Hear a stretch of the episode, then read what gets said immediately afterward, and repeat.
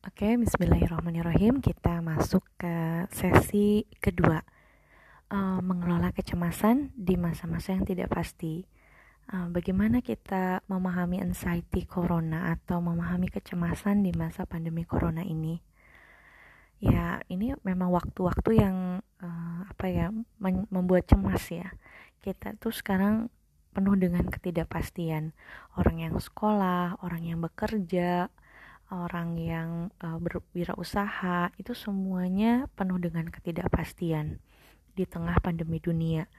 Kota-kotanya bahkan hampir semua di negara itu semua ditutup. Uh, penerbangan tidak ada, semuanya aktivitasnya berada di rumah ya.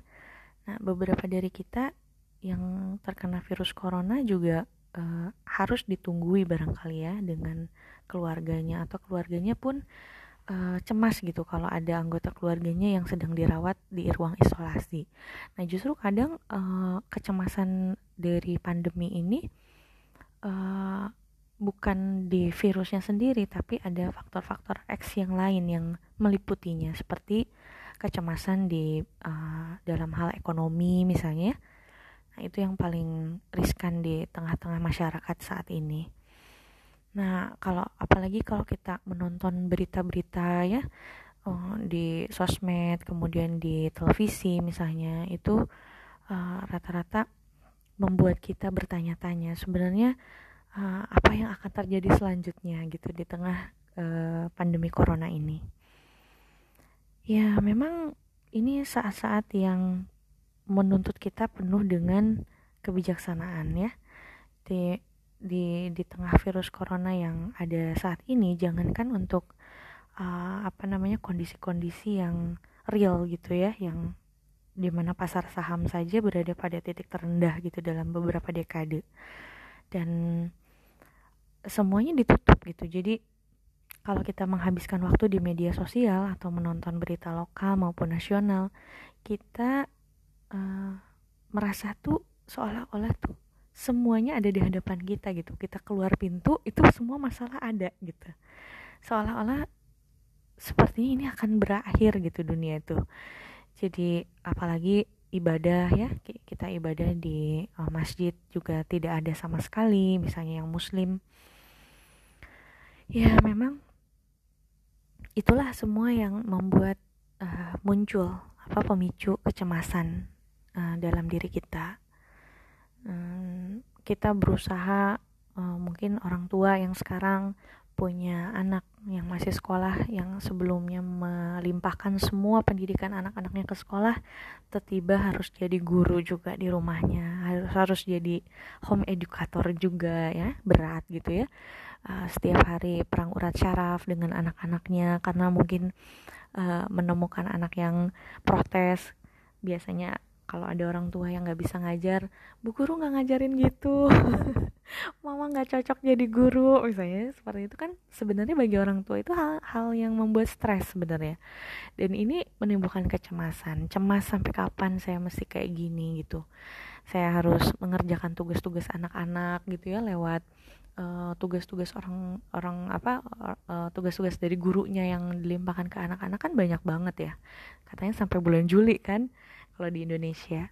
Nah, hal-hal yang seperti itu sebetulnya kan pemicu juga, pemicu kecemasan di tengah ketidakpastian ini. Dan sebenarnya e, otak kita ini memang settingannya itu nggak suka sama ketidakpastian gitu. Jadi kalau kita kalau kita tuh hmm, fitrahnya otak kita itu suka dengan kepastian. Nah, sementara ketika kita berhadapan dengan ketidakpastian, ya otak protes lah. Nah, cara otak protes itu kayak gimana? Dia menimbulkan pertanyaan pertanyaan-pertanyaan. Belum apa-apa udah udah apa memprediksi duluan gitu atau berprasangka duluan gitu. Ya, jadi otak karena otak kita tidak suka ketidakpastian, uh, maka sama sekali nggak sedikit pun otak itu suka maka kita terus menerus gitu membuat memperbarui uh, serangkaian aturan tentang bagaimana dunia kita seharusnya bekerja. Jadi kita maksa gitu. Maksa diri kita harusnya kayak gini. Uh, aku tuh harusnya begini sekarang tuh harusnya gini. Jadi kadang kita kalau menerima apa contoh ya menerima himbauan misalnya uh, tetap diam di rumah di pandemi corona ini. Tiba-tiba otak kita yang uh, apa memikirkan penuh ketidakpastian ini akan akan ngatur-ngatur gitu ngatur-ngatur sendiri. Akan lebih kritis gitu sama pemerintah. Akan lebih peka terhadap protes misalnya. Ketika ada pendataan bantuan tiba-tiba rumah kita nggak kebagian bantuan itu. Nah, terus akhirnya kita merasa cemas ya. Kita akan muncul perasaan-perasaan apa e, merasa di merasa di tidak diperhatikan misalnya seperti itu. Itu kan juga menimbulkan kecemasan yang bagi sebagian besar orang ini ini bukan masa sepele gitu. Jadi di pandemi corona ini yang mesti diselamatkan bener-bener itu keselamatan mental sebenarnya. Yang yang warga masyarakat ini termasuk kita yang ada di sini mungkin belum siap belum siap menghadapi itu. Jadi uh, ketika kecemasan itu muncul mereka tuh selalu menganggap yang terburuk aja gitu. Kadang menciptakan ratusan cerita juga gitu yang belum teruji cepat-cepat mengambil kesimpulan hal itu kan sebenarnya yang membuat cemas. Jadi kita mengkonstruksi atau membangun kecemasan itu sendiri dalam diri kita.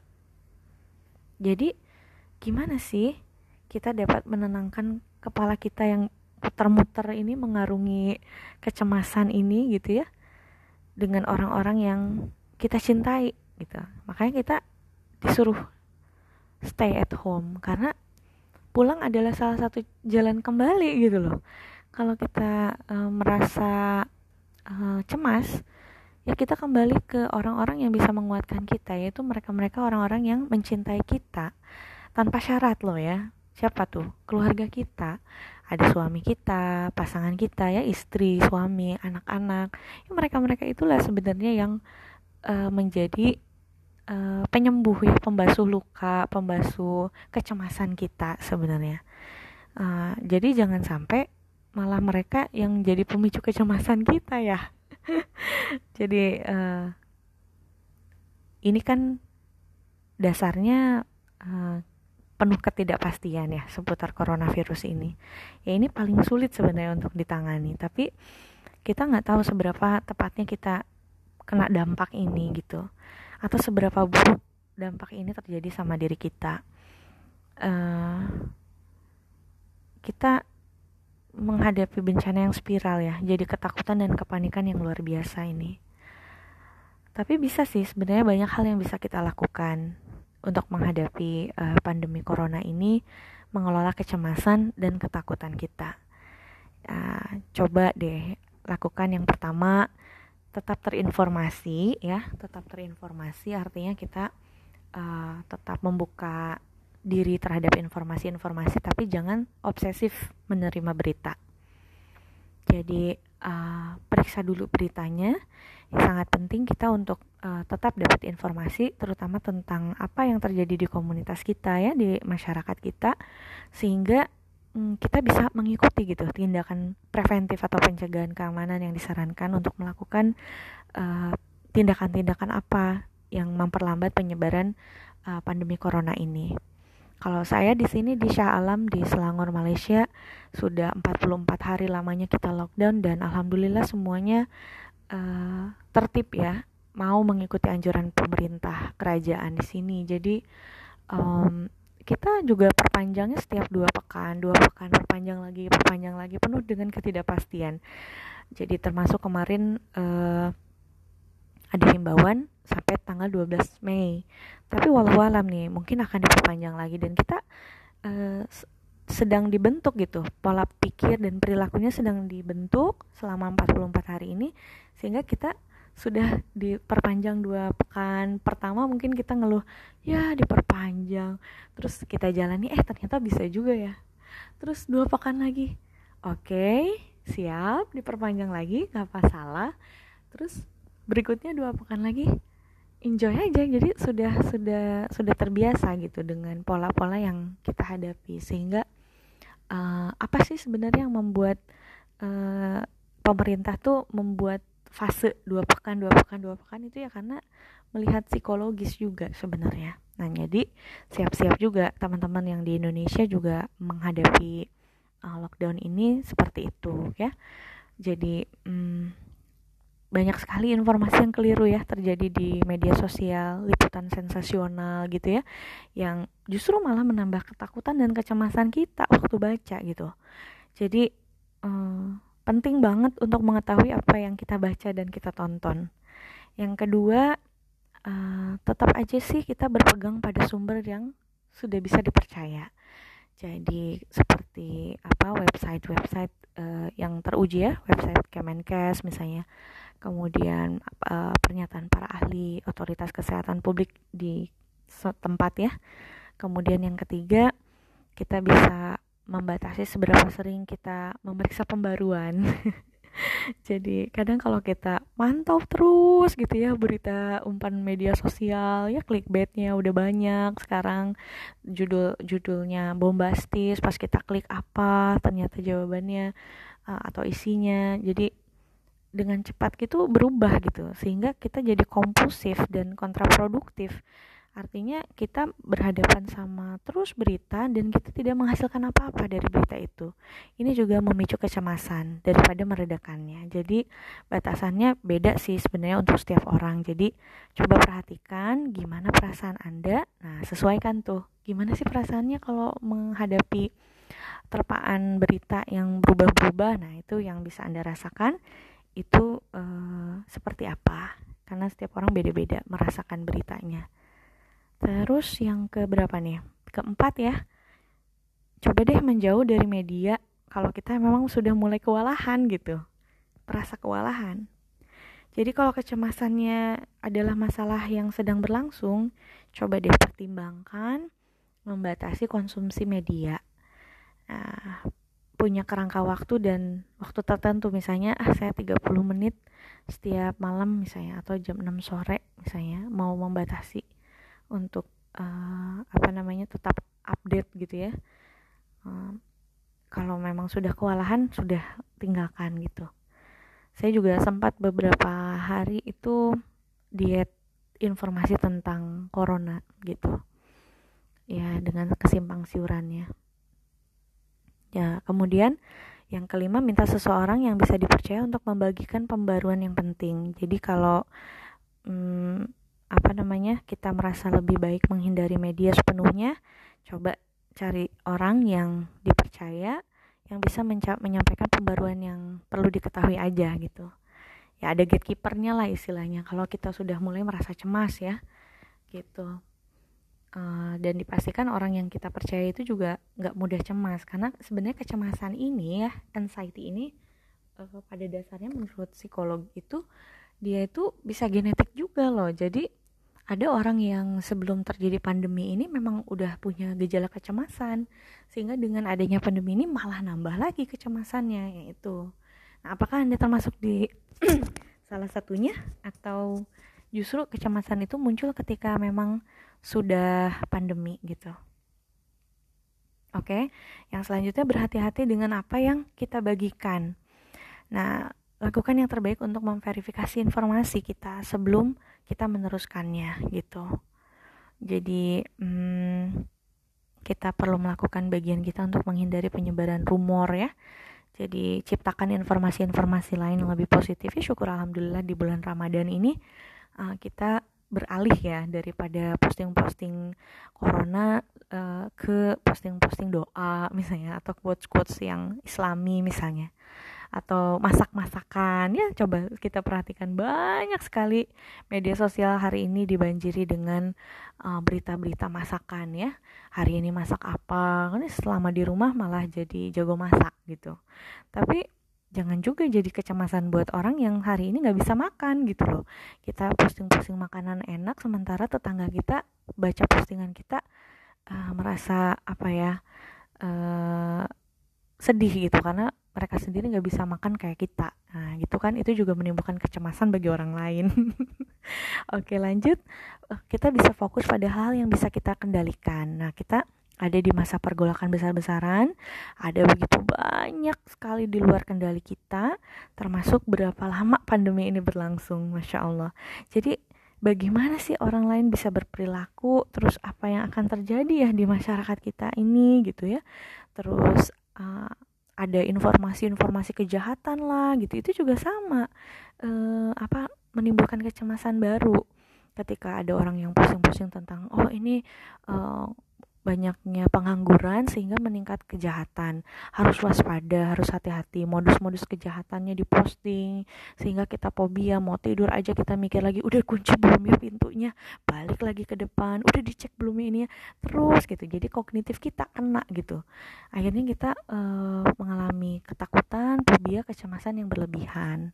Ya, itu juga sama, kita mesti kendalikan hal itu. Kalau memang standarnya sudah dilakukan ya sudah cukup jangan jangan di apa namanya dimulai lagi jadi pola nantinya. Jadi selama uh, kita berfokus pada pertanyaan dengan jawaban yang keadaannya tidak diketahui di luar kendali pribadi kita nah ini kita akan merasa lelah lah malah cemas dan kewalahan gitu. Jadi jangan jangan diper, diperumit gitu ya.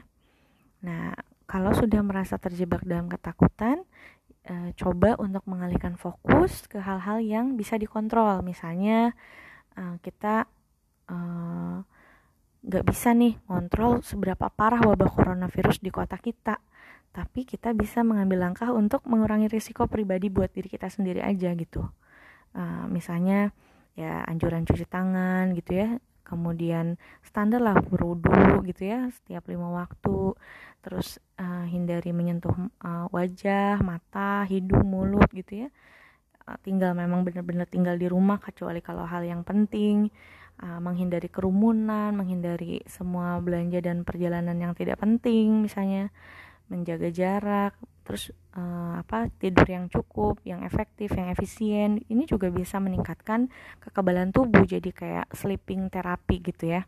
Jadi uh, bagus untuk daya tahan tubuh kita. Nah, ya ikutin aja standar-standar kesehatannya gitu. Insya Allah makan yang baik, yang yang bergizi pasti akan akan normal juga dan nutrisinya nutrisi otak juga nutrisi spiritualnya dipenuhi. Uh, uh, kita bisa pakai apa rencana yang bisa kita bisa lakukan. Terus kita juga hmm, bisa uh, melakukan rilis dengan menulis ya.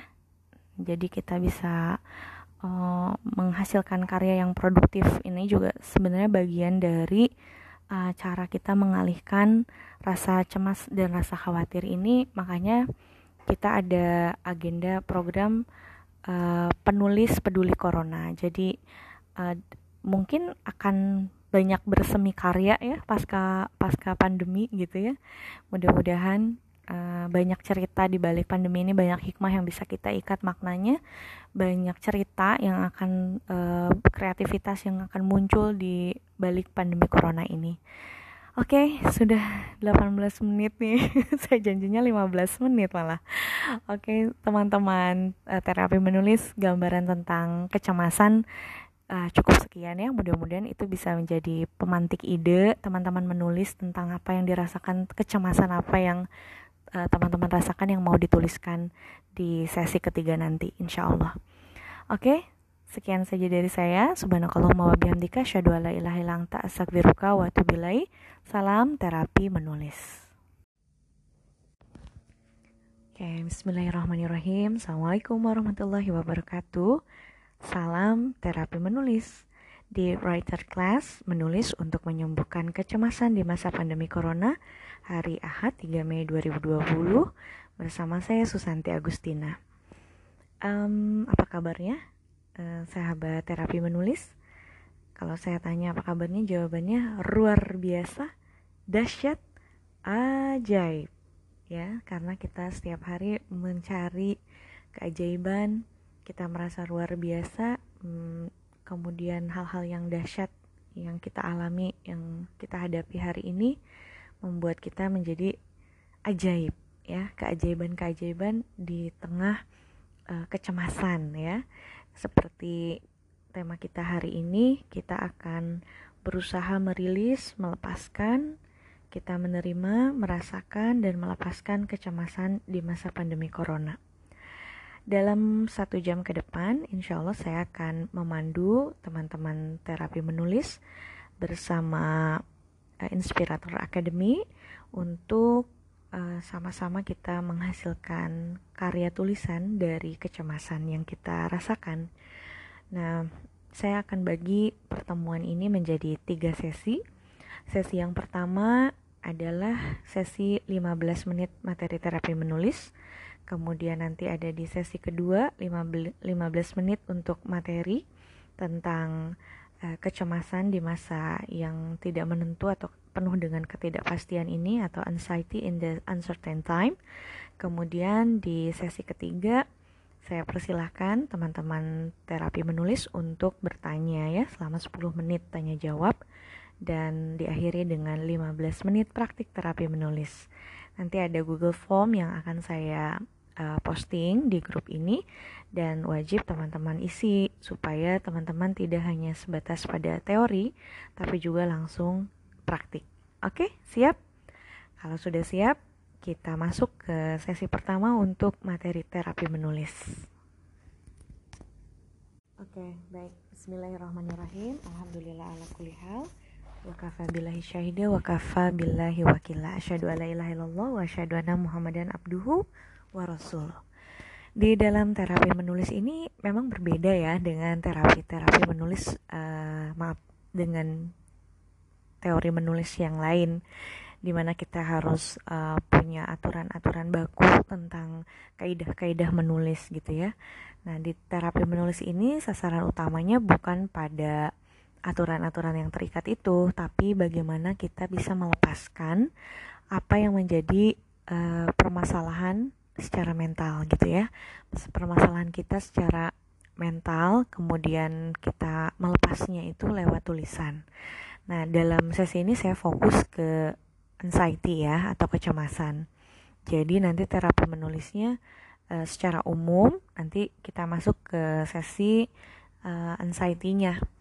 Nah di sini barangkali ada yang sudah pernah menulis atau menulis um, buku harian misalnya ya. Kemudian masih sampai sekarang uh, dari mulai anak-anak remaja dewasa masih suka menulis buku catatan harian itu juga salah satu terapi menulis self help terapi di dalam biblioterapi kita kenal dulu uh, ada istilahnya writing therapy method di mana biblioterapi itu adalah the art of connecting people with stories, poem, and book. Jadi Uh, setiap orang punya kisah, setiap orang punya cerita, dan cerita-ceritanya itu diikat maknanya, kemudian dituliskan dan dibagikan supaya menjadi inspirasi juga untuk orang lain. Nah, mudah-mudahan kecemasan Anda ini yang sekarang akan kita ikat, kecemasan akan kita lepaskan itu justru akan memberikan inspirasi buat orang lain, insya Allah. Nah, terapi menulis sendiri juga tujuannya bukan untuk um, apa um, mengkonstruksi ide-ide di luar kita, justru kita memasukkan ide-ide yang dekat dengan kita, dekat dengan kehidupan kita sehari-hari, sebuah refleksi dari apa yang kita alami, yang kita rasakan, yang kita hadapi, uh, sesuatu yang mungkin menjadi tragedi bagi diri kita di kehidupan kita, itu kita tuliskan untuk kita uh, reframing atau kita bingkai ulang, sehingga kita ketika kita baca uh, kita menemukan insight, kita menemukan jawaban, kita menemukan makna uh, dari kegelisahan kita atau dari kecemasan yang kita alami. Sebab uh, menulis itu menyehatkan. Jadi ketika kita menulis ada apa uh, semacam monster alam bawah sadar ya, monster-monster yang dibuang lewat tulisan. Karena menulis itu menyehatkan, maka menulis menjadi salah satu metode bagi siapa pun yang mau mengalihkan perasaan sakit, baik sakit secara mental maupun fisik gitu. Hmm, menulis tentang emosi ini sebenarnya bisa mendongkrak kesehatan mental dan fisik. Nah, kalau sekarang kita menghadapi gejala apa pandemi corona ya, sebetulnya yang kita khawatirkan, yang kita takutkan itu uh, bukan virusnya sendiri ya, tapi uh, yang menimbulkan gejala-gejala mentalnya itu sendiri sehingga daya tahan tubuh kita menurun dan kemudian kita mudah terserang virus atau bakterinya sendiri misalnya. Jadi kalau orang sakit itu uh, bisa dilihat secara mentalnya dia sedang memikirkan apa dan sedang menghadapi kendala mental apa itu bisa diidentifikasi lewat sakit fisik. Nah, untuk mencegah kita supaya tidak sakit fisik, nah makanya kita cek dulu uh, kondisi mentalnya. Kemudian fase sederhana dari terapi menulis itu menulis ekspresif ya. Jadi kita tidak menulis deskriptif, kita tidak menulis um, apa um, menulis seperti novel, kemudian menulis non fiksi ya, uh, eksposisi, narasi ya. Tapi kita juga menulis ekspresif. Jadi uh, dalam fase terapi menulis menulis ekspresif adalah menulis apa yang dirasakan, apa yang dialami, apa yang dihadapi. Itu saja yang dituliskan. Nah, ada seribu cara loh untuk menulis yang bermanfaat buat kita. Ada seribu, bayangkan. Ini hanya satu cara aja. Terapi menulis atau writing therapy dimulai dengan membaca diri dulu. Nah, sudahkah teman-teman membaca diri? Nah, membaca diri ada kaitannya juga sih dengan tulisan tangan sebagai karakter seseorang. Misalnya uh, dari goresan tangan, setiap tanda tangan kita menunjukkan karakter yang menentukan takdir kita gitu. Jadi level dasar dari terapi menulis kita gitu, mengubah tanda tangan. Tapi bukan ini sesinya. Di sini kita masuk di sesi mengenal diri sendiri secara uh, apa membaca diri secara alami apa yang sedang kita hadapi aja. Itu yang uh, akan kita pelajari atau kita lakukan hari ini. Nah, kita tahu keterampilan komunikasi itu ada enam. Ada mendengar, menyimak, memahami, membaca, menulis, lalu mempresentasikan. Nah, penulis yang hebat lahir dari pembaca yang kuat. Nah, kalau kita membaca e, membaca itu kan tidak tekstual pada buku saja. Kita suka nonton film, kita suka baca Quran, baca terjemahan Quran, baca terjemahan kitab, kemudian kita juga e, suka membaca lingkungan kita, orang yang ada di dalam rumah kita, kita baca. Terus fenomena-fenomena alam kita juga baca gitu kan. Nah, itu juga bisa menjadi uh, ide kreatif dalam ekspresif menulis. Nah, dalam tulisan teman-teman itu mengandung energi. Jadi ketika kita punya energi negatif kemudian kita tuliskan, itu secara tidak langsung otak kita mengeluarkan energi negatif tersebut lewat tulisan kita. Dan ketika kita baca kita bisa jadi tertawa di waktu yang lain. Itu karena uh, energinya sudah rilis sudah keluar gitu. Kita ada waktu untuk uh, apa namanya menghadapi yang namanya um, kondisi tragedi misalnya ya tragedi plus time itu jadi komedi. Kadang kita sudah menulis diary sampai termehek-mehek gitu ya sampai nangis-nangis. Waktu kejadian tragedi itu terjadi kita nulis di diary kemudian tiba-tiba uh, lepas gitu ya ada katarsis melepas ketegangan. Nah akhirnya kita 50% masalah selesai sebenarnya cuma uh, kita kadang suka malas saja menuliskannya padahal itu bagus gitu buat buat kita. Nah hmm, suatu saat kita buka lagi diary itu dan ternyata yang ada bukan malah menangis tapi malah tertawa. Itulah kedahsyatannya tragedi ditambah waktu bisanya jadi komedi. Makanya uh, sesedih apa pun se uh, tra tragedis uh, tragis apa pun ya maksudnya setragis apa pun masalah yang kita hadapi kalau kita tuliskan suatu saat akan jadi komedi gitu buat kita jadi ketawa. Uh, dalam tulisan karena mengandung energi maka menulislah dengan hati karena hati itu energinya 5000 kali. Wah jadi kalau kita cinta menulis menulis dengan cinta menulis dengan niat uh, untuk menginspirasi orang lain insya Allah tulisannya punya ruh Nah, ketika kita siap menulis, cari waktu yang tepat dan cozy. Nah, biasanya di akhir pekan ya, uh, akhir hari kerja gitu. Terus kemudian sebelum pergi tidur, biasanya kita lebih fokus dalam menulis 15 menit sehari aja selama 3 atau 4 hari berturut-turut. Nah, itu juga bisa dilakukan ya uh, dari segi waktu. Atau kadang ide itu muncul atau kadang masalah itu muncul lah langsung kita ikat gitu. Kita tulis paling tidak kalau moodnya belum ada kita tulis pemantiknya. Kita tulis keywordnya atau kita tulis garis besarnya yang kalau nanti kita menulis buka laptop atau nulis di Wattpad kita ingat kita mau nulis apa. Nah, kemudian ada lagi terapi menulis ini bisa dilakukan dengan cara uh, pertama menulis dengan tangan ya, tulis tangan, terus kemudian bisa juga diketik di komputer atau juga bicara pakai tape recorder. Jadi apa bedanya menulis dengan uh, merekam gitu ya? Sama sebetulnya, hanya bedanya suara dan teks gitu. Apalagi sekarang kita punya alat yang mengubah suara ke teks. Ya, jadi luar biasa lah teknologinya bisa membantu orang yang malas ngetik. Atau kalaupun Anda punya ide, Anda rekam, yang ngetik bisa orang lain. Ya, Anda tinggal uh, sewa aja jasa tukang ketik ya. Nah, terus kemudian tulis tentang apa sih? Nah, di dalam terapi menulis kita bisa menulis sesuatu yang Anda pikir ya. Kemudian sesuatu yang terlalu banyak dikhawatirkan. Nah, yang membuat kehidupan Anda tidak sehat kemudian menulis tentang sesuatu yang Anda mimpikan, kemudian menulis sesuatu yang Anda hindari, ya, yang Anda takutkan, yang Anda hindari itu Anda tulis gitu. Nah, kalau sekarang di hari ini, satu jam ini, kita akan menulis sesuatu yang membuat Anda cemas di era pandemi COVID ini, ya. Kemudian, sampel menulis nanti diapakan? Ya, yang pertama, kita sudah jujur dengan diri kita sendiri bahwa kita tuh cemas. Itu yang paling penting.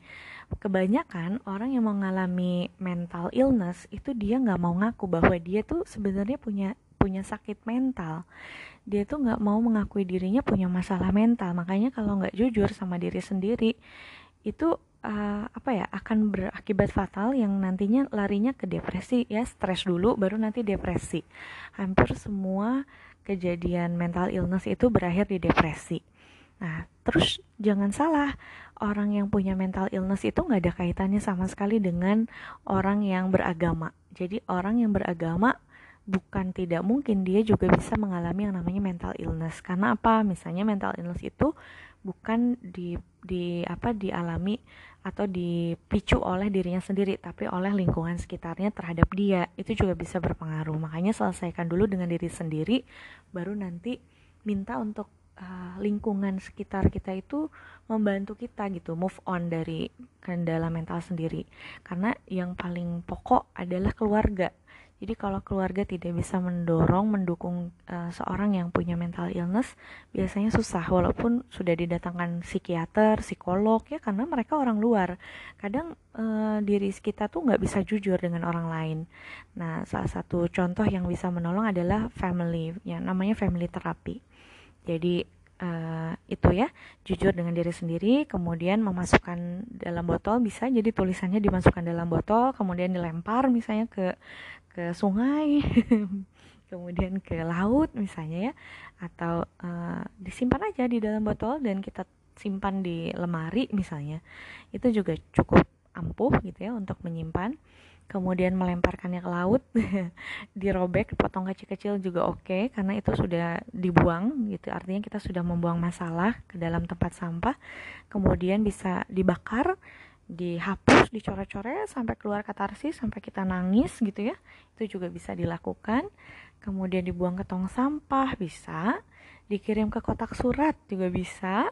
Hmm, kita juga bisa mengedit dan menerbitkannya. Nah, ini sangat direkomendasikan nih dengan melibatkan mentor menulis misalnya. Jadi kita mudah-mudahan dengan sesi satu jam ini teman-teman bisa menulis ekspresif. Nanti kalau karyanya bagus, uh, walau alam ya mudah-mudahan bisa diterbitkan kita sama-sama bikin terbitan buku dari uh, luaran uh, kegiatan ini nah nanti kita uh, punya karya akhirnya jadi uh, ubah uh, ubah sakit hati atau ubah kecemasan jadi royalti ya. Ubah patah hati jadi royalti bisa juga. Nah kemudian yang terakhir dimakan. Oh enggak ya masa dimakan? Lagi puasa lagi ya. Ya udah deh sekian aja dari saya. Sudah 15 menit lebih ya. Oke 15 menit. Nggak kerasa materinya sangat singkat tapi mudah-mudahan bisa ditangkap bisa dipahami. Nanti kita lebih jauhnya dengan tanya jawab oke terima kasih untuk sesi pertama ini uh, kita tutup dulu dengan hamdalah alhamdulillahirobbilalamin Sampai ketemu di sesi kedua. Salam terapi menulis.